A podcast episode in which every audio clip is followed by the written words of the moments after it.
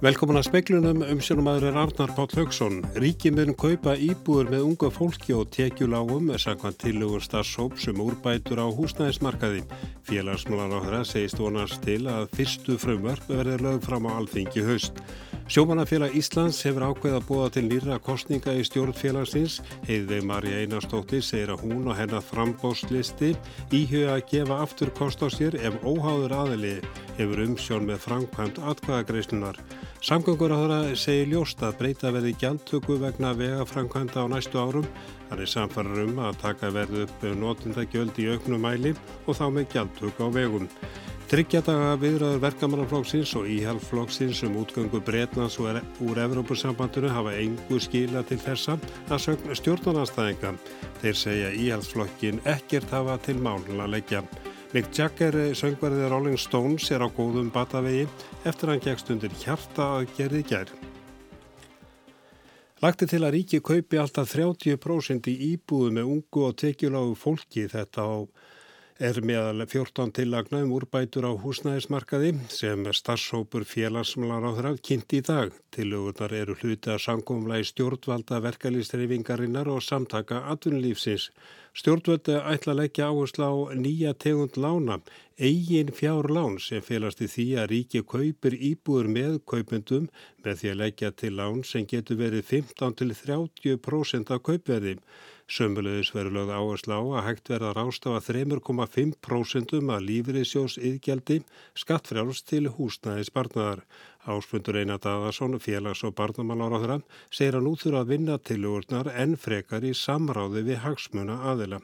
Eh, næstu skref núna eru að byrja að undirbúa með hvaða hætti við getum hrind þessum tillögum í framkvæmt. Bæði þeim sem að kynntar voru hér í dag, eh, tillögum átagsópsins. Þannig að næstu skref er að setja tímasetningar á það, hvenar við náum að leggja fram frumvörp og annað, en þó með þeim eh, þó með þeim hérna, fyrirvara við ætlum áfram að tryggja gott samstarf og samvinnu við aðalega vinnumarkaðar. Hvenar sjáu þið fyrir ykkur að eitthvað að þessu verið komið til framkvæmda? Eh, ég, ég, ég fórsetis á þeirra kynnti það að, að í ráþurabústanum að talsvert af að þau að stemt vera framlagningu frumvarpa á næsta lögjafaþingi varðandi til að mynda félagslegu undirbóð og ég hef svona verið að vinna með það að það, það sé snýra frumvörpum í húsnæðismálum að það geti komið fram á næsta lögjafaþingi einnig. Sagði ásmyndur Einar Dagarsson, Milla Ósku Magnúsdóttir talaði við hann. Sjómanafélag Íslands hefur ákveð að búa til lýra kostninga í stjórnfélagsins til að hefja yfir að vafa að frambjóðandur á listum stjórnafélagsins síti í óumdeildu umbóði félagsmanna.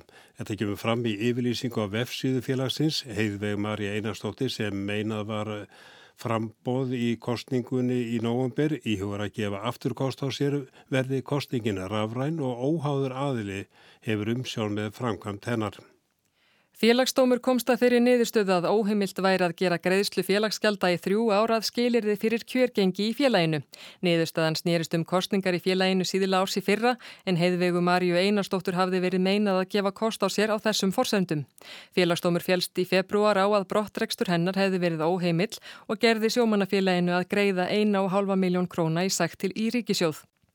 Í yfirlýsingu sjómanafélagsins kemur fram að heiðiveg hafi hafnað bóði um að ganga í félagið á ný. Hún teilur sig hins vegar enn vera félagsmann.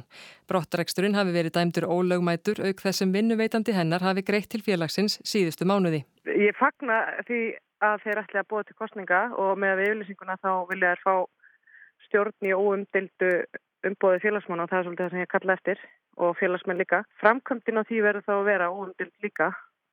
Það er að segja að þá reiknaði passlega með því að fá óháðan aðala borðinu eins og félagsmenn hafa gert kröfum og ég hef gert kröfum og farið í rafræna kostning og gerði þetta þannig að þetta sé hafið yfir allan vafa og ef svo er að þá ætlum við að íhuga það að bjóða fram áttur.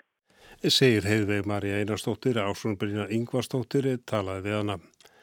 Fimm mótmælendur voru handteknir í dómsmálaráðunitun í dag. Þar hafði fólk komið saman til að ítrykka beinu um fund með fulltrúaráðunitins til að ræða málefni flótafólks. Nýju mótmælendur settust á gólfi í andir í ráðunitisins líkt og þau hafa gert þetta daglega síðan á þriðudag. Í tilkynningu frá lauruglu segir að þau hafa ekki hlíti ítrykkuðum fyrirmælum um að yfirgefa ráðunitið. Stassópurum fjármögnun vegaframkvæmda leggur til að kannaverði hvort hægt er að fjármögna þær með því að forgangsraði ríkis fjármálum. Gangi það ekki verði að taka afstöðu til innhemdu veggjaldam. Áætla er á næstu 25 árum þurfa ráðast í 200 verkefni sem gætu kostað um 400 miljardar króna. Sigur Ingi Jóhansson ráþeira segir að vegna orkuskiptana sé ó hjákvæmilegt að breyta gjaldtöku vegna vegamála innan farra mála. Við getum alveg verið sannferður um það að á næstu fimm árum munu fjölga þessum verkefnum og einhver, einhver vera dýrari þannig að vandin eða verkefni mun stakka og eh, ég get líka verið sammálaðir um það að, að, að það er ekki víst að samgöngumál skori alltaf efst á fórgámsröðunni þegar við sittum við ríkistjórnaborðið og verum að greiða úr því þannig að það þarf til, já, að taka málefnulega umræðu um breyta gjaldtöku og svo tengist það auðvitað orkuskiptum og það er hitt verkefni sem að þessi nefnd hóf vinnu við en, en, en skilur við með því að Ídæni raun var aftur inn í fjármálaráðandi þar sem hún hófst í fyrra með skýslu um, um uh, afleiðingar þess að við færum að kera hér á nýjorkubílum sem skiluði hvorki bensingeldi nýja dísilgeldi. Þannig að innan farra ára er það óhjákvæmilegt að breyta geltökunni. Þetta var Sigur Ingi Jóhansson samgöngur á þeirra nána veru tala við hann síðar í speklunum. Talsmaður breska verkamannaflokksins segir að lítill árangur hafi orðið til þessa í brexit viðraðum stjórnar og stjórnarnarstöðu sem Theresa May forsætist á þeirra breyta baðum. Hún óskaði formla eftir því í dag við Európa-sambandið að fresta útgöngunni til 30. júni. Talsmaður verkamannaflokksins segir að síðustu þrjá daga hafi Theresa May forsættisráð þeirra ekki komið fram með neinar raunverulegar hugmyndir eða málamiðlunartillögur um pólitíska yfirlýsingu brexit samningsins sem flokkarnir geti komið sér saman um. Sör Kýr Starmer, skuggar á þeirra brexit mála hjá flokknum, hefur tekið þátt í viðræðunum með Korbin og fleiri framámunum. Hann tekur í sama strengi við talið við BBC í dag. Theresa May og hennar fólk hafi ekkert bitastætt haft fram að færa til þessa. Hann minnir á að málamiðlunum fylgi breytingar. Theresa May fór fram á það í byrjun vikunar að Jeremy Corbyn, leðtói verkamannaflokksins, tæki þátt í að greiða úr því þrátefli sem útganga Breitlands úr Evrópusambandinu hefur valdið á breska þinginu. Í dag fórum fram á heimild til að fresta útgöngunni til 30. júni. Upphaflega var gert ráð fyrir að Brexit gengi í gildi 29. mars síðastliðin.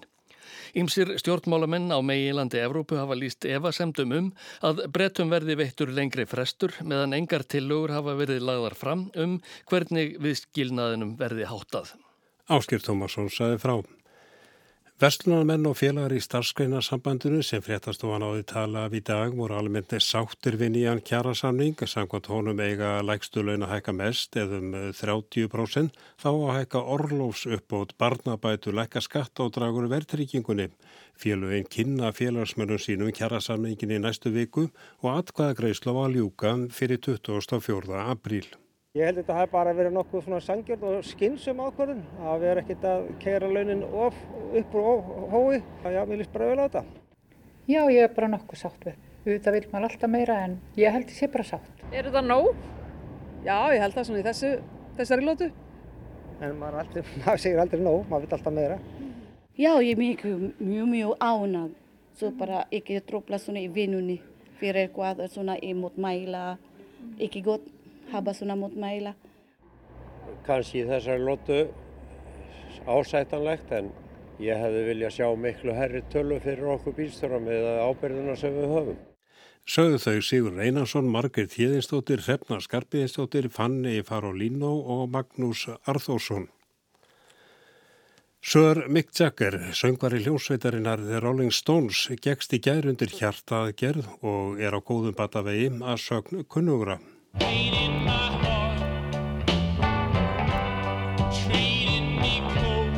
Tilkynnt var um síðustu helgi að Rolling Stones yrðu að fresta hljómleikaferð sinni um Norður og Ameríku í voru og sumar vegna þess að söngvari sveitarinnar þyrti að vera undir læknishendi. Fljótlega spurðist út að við hefðbundna lækniskoðun hefði komið í ljós að skipta þyrti um hjartalóku í honum. Aðgerðin var gerði gær á sjúkrahúsi í New York og tókst príðilega að sögn kunnúra. Ekki þurfti að skera Sör Mikk upp vegna þessa, heldur var lokunni komið fyrir með svo nefndri þræðingartækni eða TAVR. Búist er veið að söngvarinn verði komin á ról fljótlega vegna þess hversu vel hann er á sig komin líkamlega. Samkvamt Bjart sínis spám ætti hljómsveitin að geta síðar í sumar haldi hljómleikana 17 sem hún varð að fresta. Uppselt er á þá alla. Brúttótekjur hljómsveitarinnar af aðgöngumiðum nema um 30 miljörðum króna að sögbreskra fjölmiðla. Og það var Áskil Tómasson sem saði frá og þarna hefur við Rolling Stones flytja lagið Pain in my heart.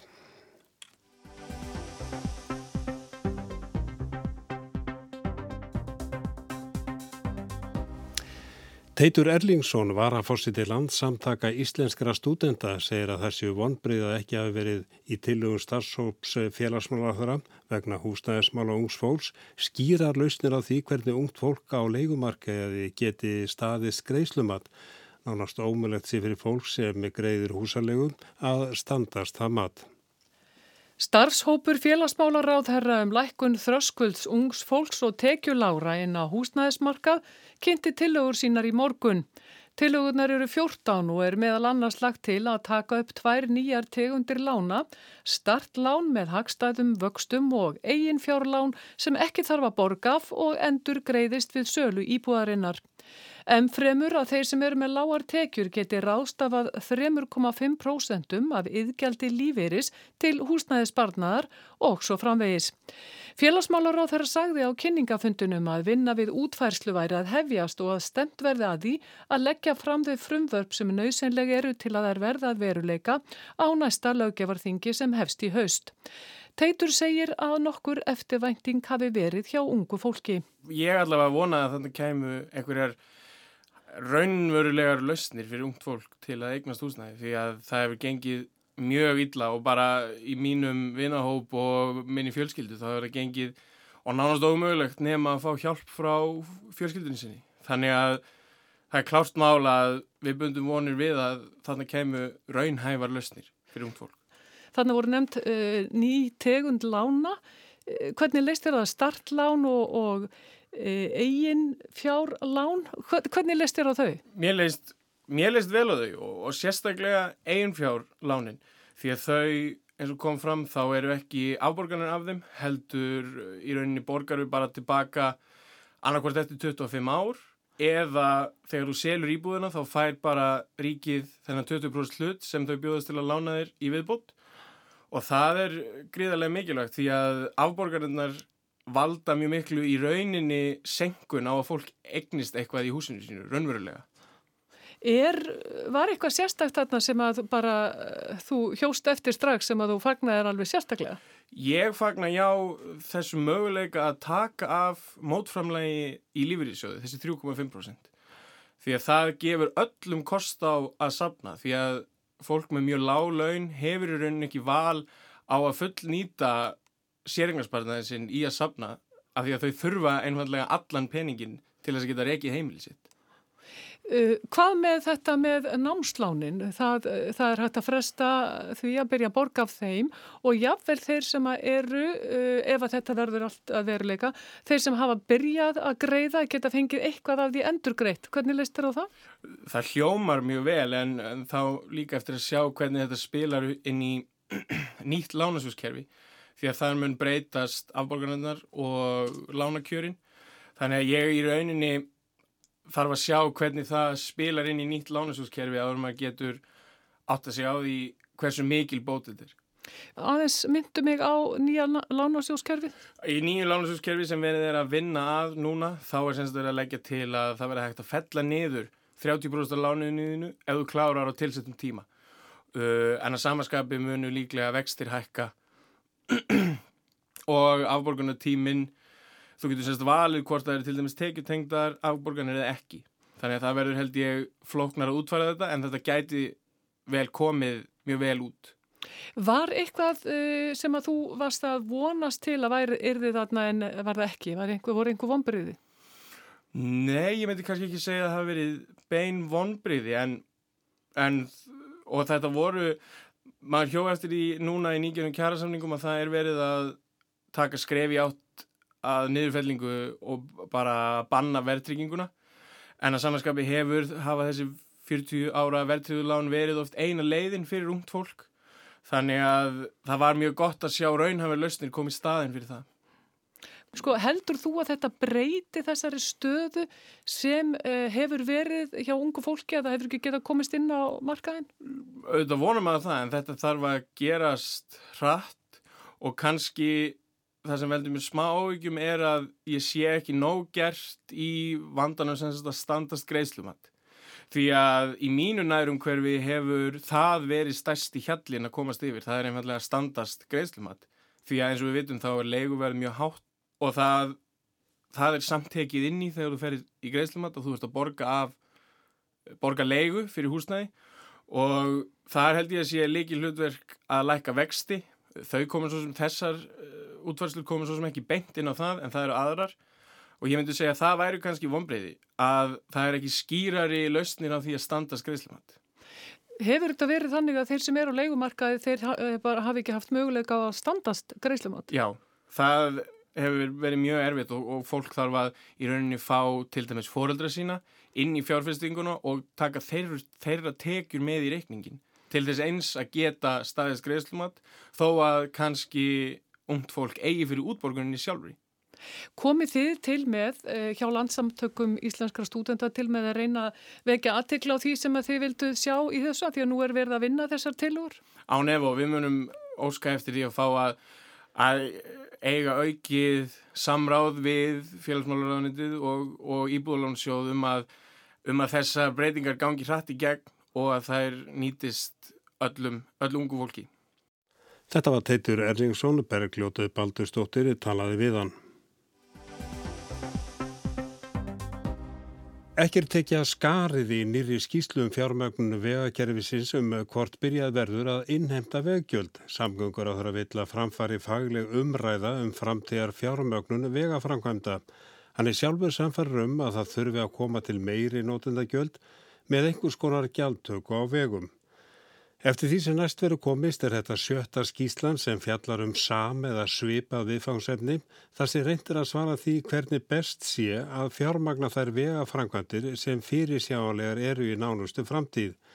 Það er ekki óðurlegt að spurt sé hvort stjórnvöld fari í kringum veggjöldin eins og köttur í kringum heitan gröð. Nei. Segir Sigur Ringi Jóhansson samgangur á þeirra.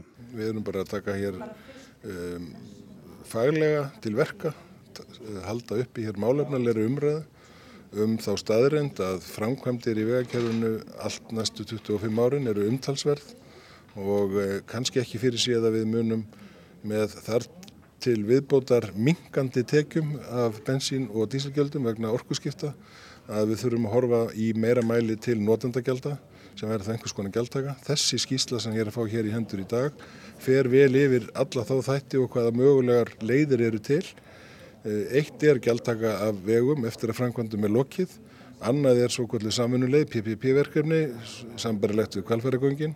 Þar eru líka nokkur verkefni sem koma þar til greina. Og síðan eru verkefni þar til viðbútar sem við höfum verið að horfa á að flýta til þess að, að, að því að þörfin er ekki bara hér á Suðvesturhóttinu þó hann sé, sé sannlega mest hér að verkefni sem við getum hugsanlega séð í einhvers konar blandari leið og þá með gjaldtöku. Eh, þannig að eh, þessi skýsla er fyrst og fremst þess að byggja undir málarnulega umræðu og síðan faglega ákvörðan. Bendir á þá staðrind að kostnæðar vegna bílslýsa sé árlega 40 til 60 miljardar króna. Nauðsilegt sé að bæta vegakerfi til að draga úr slýsum og þar með þessum mikla kostnæði. Umferðin eigst ár frá ári. Umferðinum ringvegin jógstum tæp 52% á árunum 2012 til 18 Víða annar staðar hefur umferð aukist mun meira. Til dæmis hefur meðal umferð á dag yfir einbreyðu brúna yfir Jökulsá og Sólheimarsandi rösklega þrefaldast á stuttum tíma.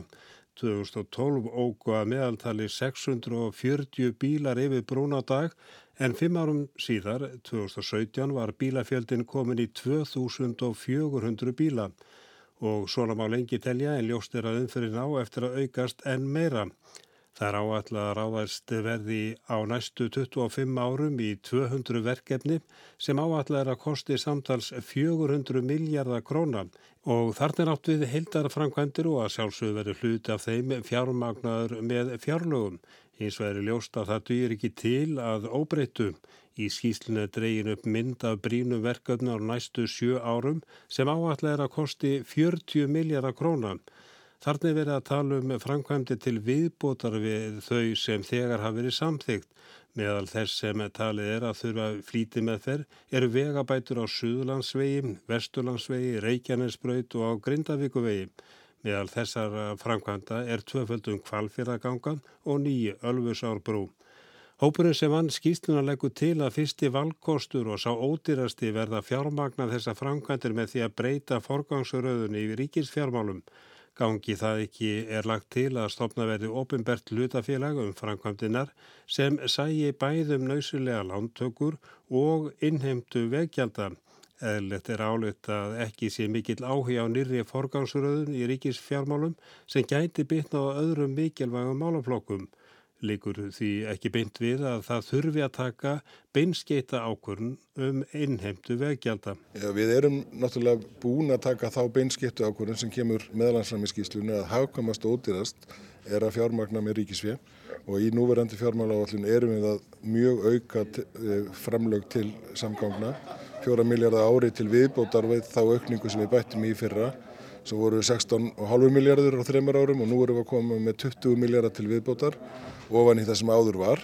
Þannig að á næstu árum erum við með mikla fjármunni til framkvæmda en við þurfum líka að horfa lengra, líka til árana eftir þessa fjármálaöllun og um, í því ljósi er nöðsulegt að halda áfram umræðinni og ákvarðanatökunni um, um frekari uh, framkvæmdir sem að geltaka myndi standundir.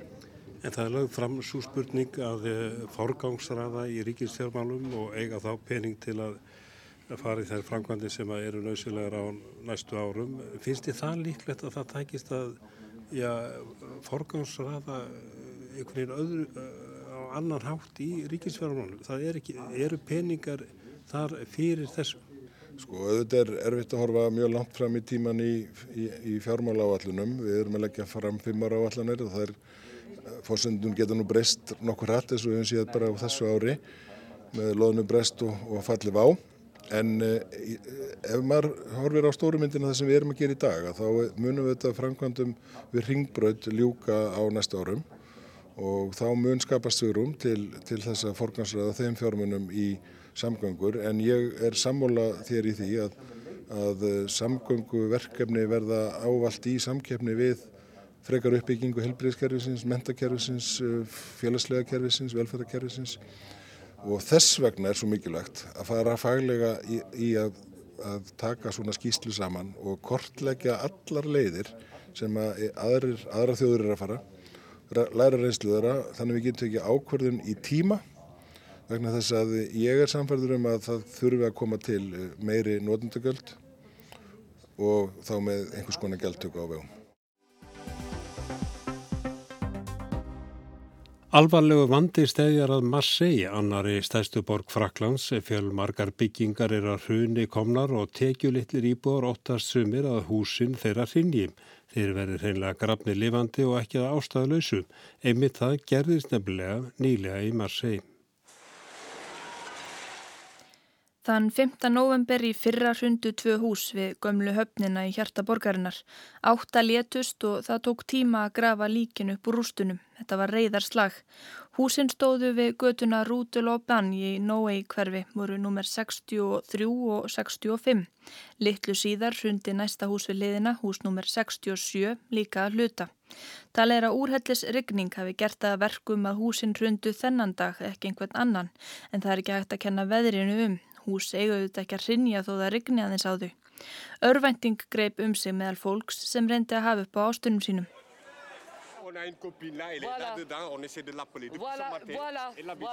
Það var aðeins búið í einu þessara húsa, húsi nr. 65. Húsin sitt hverju megin við það höfðu verið dæmt óhæf til búsettu en íbúar á svæðinu sögðu þó algengt að hústökufólk hefðist þar við.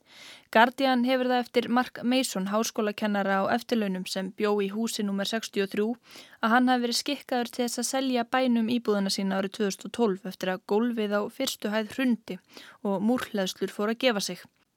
Í frétt Guardian segir að íbúar hafi árum saman kvartað yfir ástandi þess hús sem enn var búið í. Sagt það óburðugt og úr lægi gengið en bæjar yfir völd hafi lítið gert. Patrik Lacoste, talsmaður aðgerarhóps í húsnæðismálum, saði alla hafa vitað af báu ástandi húsana samt hafi ekkert verið gert.